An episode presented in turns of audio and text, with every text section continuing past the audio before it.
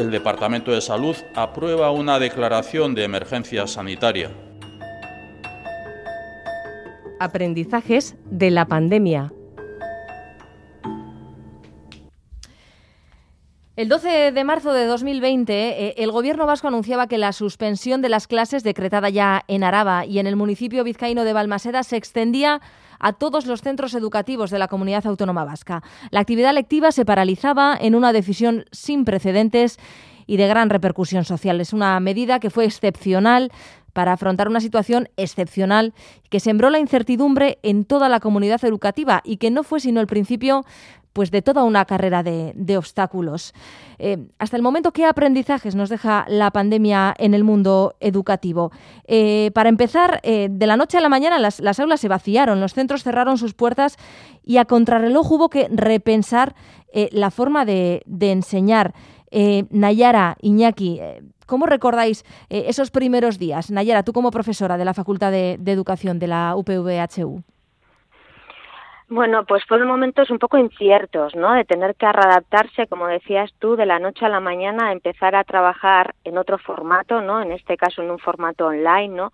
Con lo que eso suponía, ¿no? Adaptar contenidos, eh, formas de enseñar, metodología, ¿no?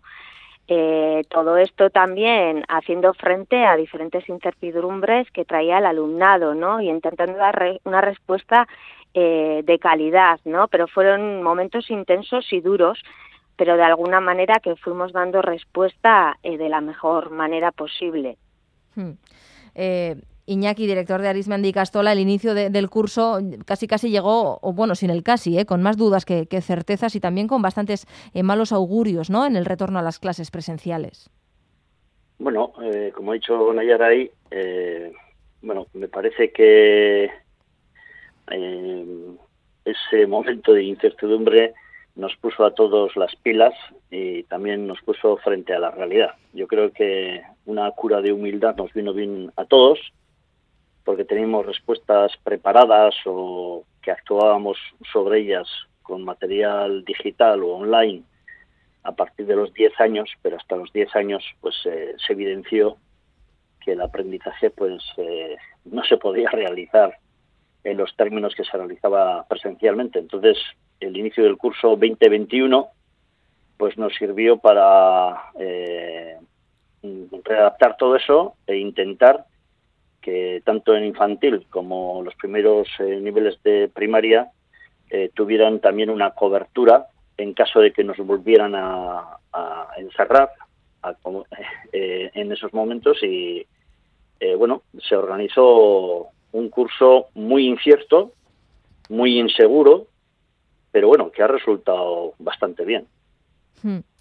Claro, también hubo que, garantizar eh, esa igualdad de oportunidades, ¿no? Eh, la brecha digital eh, se hizo más evidente que nunca y había que dotar a todos los alumnos de las mismas herramientas, ¿no, Nayara? Sí, eso es. Yo creo que ha puesto más en evidencia aún, ¿no? Este nuevo contexto de la brecha digital, ¿no? Sobre todo las familias con más necesidades o más vulnerables carecían de equipamientos o carecen de tecnología, conexión, pero no solo eso, ¿no? también de formación o eh, espacio, tiempo para poder acompañar a sus hijos e hijas en el proceso educativo. Entonces yo creo que esto todo ha supuesto un giro ¿no? y, y, y una exigencia que, que, hay que ir dando respuesta ¿no? para garantizar que todo el alumnado pueda seguir, en este caso, no en ese momento, pudiera seguir de una manera online, ¿no? Las clases y en un futuro, ¿no? Si se dan nuevos escenarios en este sentido. También me parece importante aquí recalcar el tema del alumnado con necesidades educativas especiales, ¿no? Que en este proceso también o en este contexto de alguna manera se ha visto perjudicado, ¿no? Porque la atención más individualizada o de eh, ciertos profesionales no ha podido ser la misma, ¿no? Entonces también buscar nuevas estrategias y nuevas habilidades para poder garantizar una educación de calidad yo creo que es necesario, ¿no? Y repensar, ¿no? Desde los centros educativos cómo vamos a acompañar, ¿no? Eh, eh, para que todo el alumnado verdaderamente pueda estar, si tenemos que irnos a formatos online, en ese formato online, ¿no? Que está claro que el online no puede sustituir lo presencial, ¿no? Porque hay aprendizajes que eh, que son eh, que se dan en lo presencial, ¿no? Desde el contexto social, la comunidad. el, el, el, contacto, el tú a tú, ¿no? Eh, eso se da en, en, lo, en lo presencial, ¿no? Pero si nos tendríamos que ir a otro formato, pues intentar, eh, bueno, pues eh, eh, readaptarlo para, para intentar eh, dar eh, responder a las necesidades educativas de la mejor manera, ¿no? En este sentido también eh, yo creo que es importante también porque en una investigación que realizábamos, ¿no? que recogíamos un poco cómo estaban viviendo el alumnado y las familias, ¿no? este nuevo modelo online, ¿no? Eh, recogían que sobre todo en etapas más eh, eh, los más mayores, ¿no? que tenían mucha presión a nivel de deberes, muchas horas delante del ordenador. Yo creo que también en este sentido hay que flexibilizar y readaptar, porque no podemos seguir dando el mismo contenido en una situación eh, diferente, ¿no? Entonces es necesario eh, flexibilizar, ¿no? Que se ha hecho un intento de flexibilizar, pero tener todo esto eh, en cuenta, ¿no? Las familias también eh, alfabetizar, ¿no? Tanto al mm. alumnado para que sea capaz de seguir todo este proceso y también a las familias, que es un importante motor, ¿no? En todo el proceso educativo. Mm. Iñaki. Sí, bueno, yo creo que además de eso, y estamos en Euskal Herria, en Euskadi concretamente, y muchas veces se nos eh, olvida también la importancia y el gran agujero que se ha creado en la euskaldunización. Es decir, el curso 19-20 a partir de marzo hasta finales eh, creo un gran agujero en aquellas familias que no tienen eh, posibilidades de hablar con sus hijos en euskera, por lo tanto no pueden hacer tampoco ni el aprendizaje de su hijo o de su hija, eh, acompañarlo en esa lengua, ni el propio alumno o la alumna puede tener un desarrollo oral, sí escrito, pero no acompañado de su aprendizaje. Y esto, mm. esto es muy grave. ¿Eso va a suponer un problema ahora de cara al inicio del nuevo curso? No, pero el curso 2021, por ejemplo, mm. la presencialidad se recuperó. Ese es un poco el dato que hay que comparar. Es decir, el, el, 19-20, eh, lo que es marzo del 20 hasta junio del 20, se crea ese gran agujero, mm. pero a partir del 2021, es decir, de septiembre del 20, eh, creo que esto eh, se vio evidente Como dicen ayer, la presencialidad era eh, absolutamente relevante, porque a fin de cuentas la escuela no solamente es un sitio donde se aprende, pues en el sentido clásico del término, es un sitio donde se socializa, donde nos comunicamos, donde aprendemos juntos, no solamente el alumnado, sino también el profesorado, donde las familias también tienen un núcleo de socialización. Entonces, en esos meses de marzo a, eh, junio, pues eh, esto todo cayó y fue más o menos paliado con una estructura online que se preparó todavía mucho más fina para el 2021 y solamente ha sido necesaria para hacer una atención individualizada para personas que en un momento determinado eh, se, se encerraba porque no solamente eran alumnos y alumnas que en un momento determinado se quedaban en casa, eh, porque eran contacto o porque eh, estaban eh, con el COVID, sino también el profesorado que se quedaba en casa y tenía que atender desde casa a su propio alumnado. Entonces, todo esto crea, lo he dicho en un momento determinado, una situación de, de afrontar las cosas con humildad, con, unas, con una capacidad a desarrollar de adaptación, de creación, de responder a lo desconocido y sobre todo una respuesta que además de la fuerza individual pues requiere de, la cooperación del sentido grupal, del sentido colectivo comunitario. ¿eh? Yo creo que esto en el curso 2021 se ha llevado a cabo y de ahí resulta pues que los centros educativos, todos los centros educativos se han mostrado como lugares seguros, reglamentados, que controlan eh, las disposiciones con una incidencia muy baja de la pandemia en los centros educativos, bajísima, y eso ha, eso ha supuesto que las familias pudieran trabajar, conciliar su faceta laboral con su faceta familiar o personal o privada.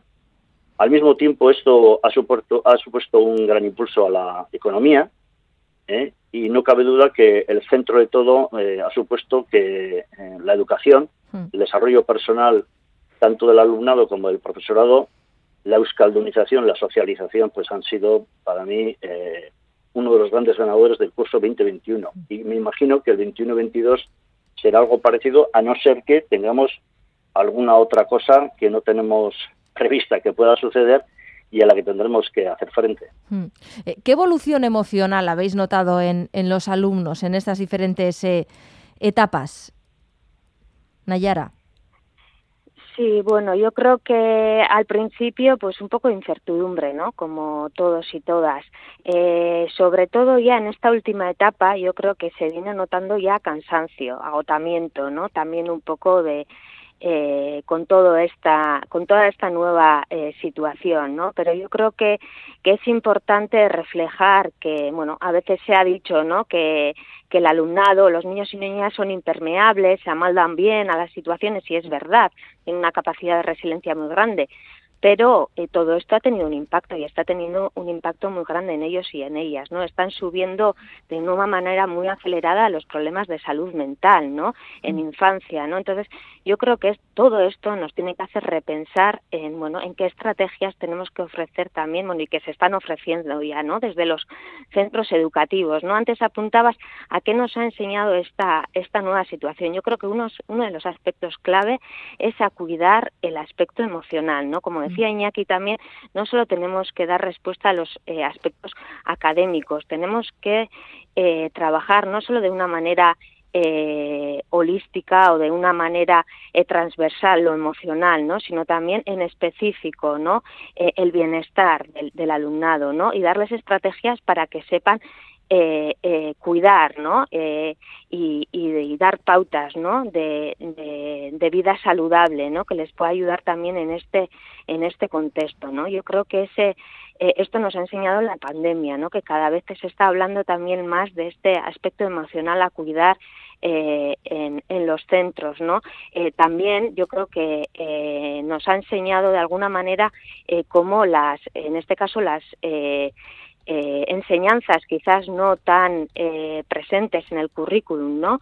Eh, cómo tienen una eh, gran fuerza, ¿no? Tienen que tener una gran fuerza que son la, la, la educación artística, la educación física, ¿no?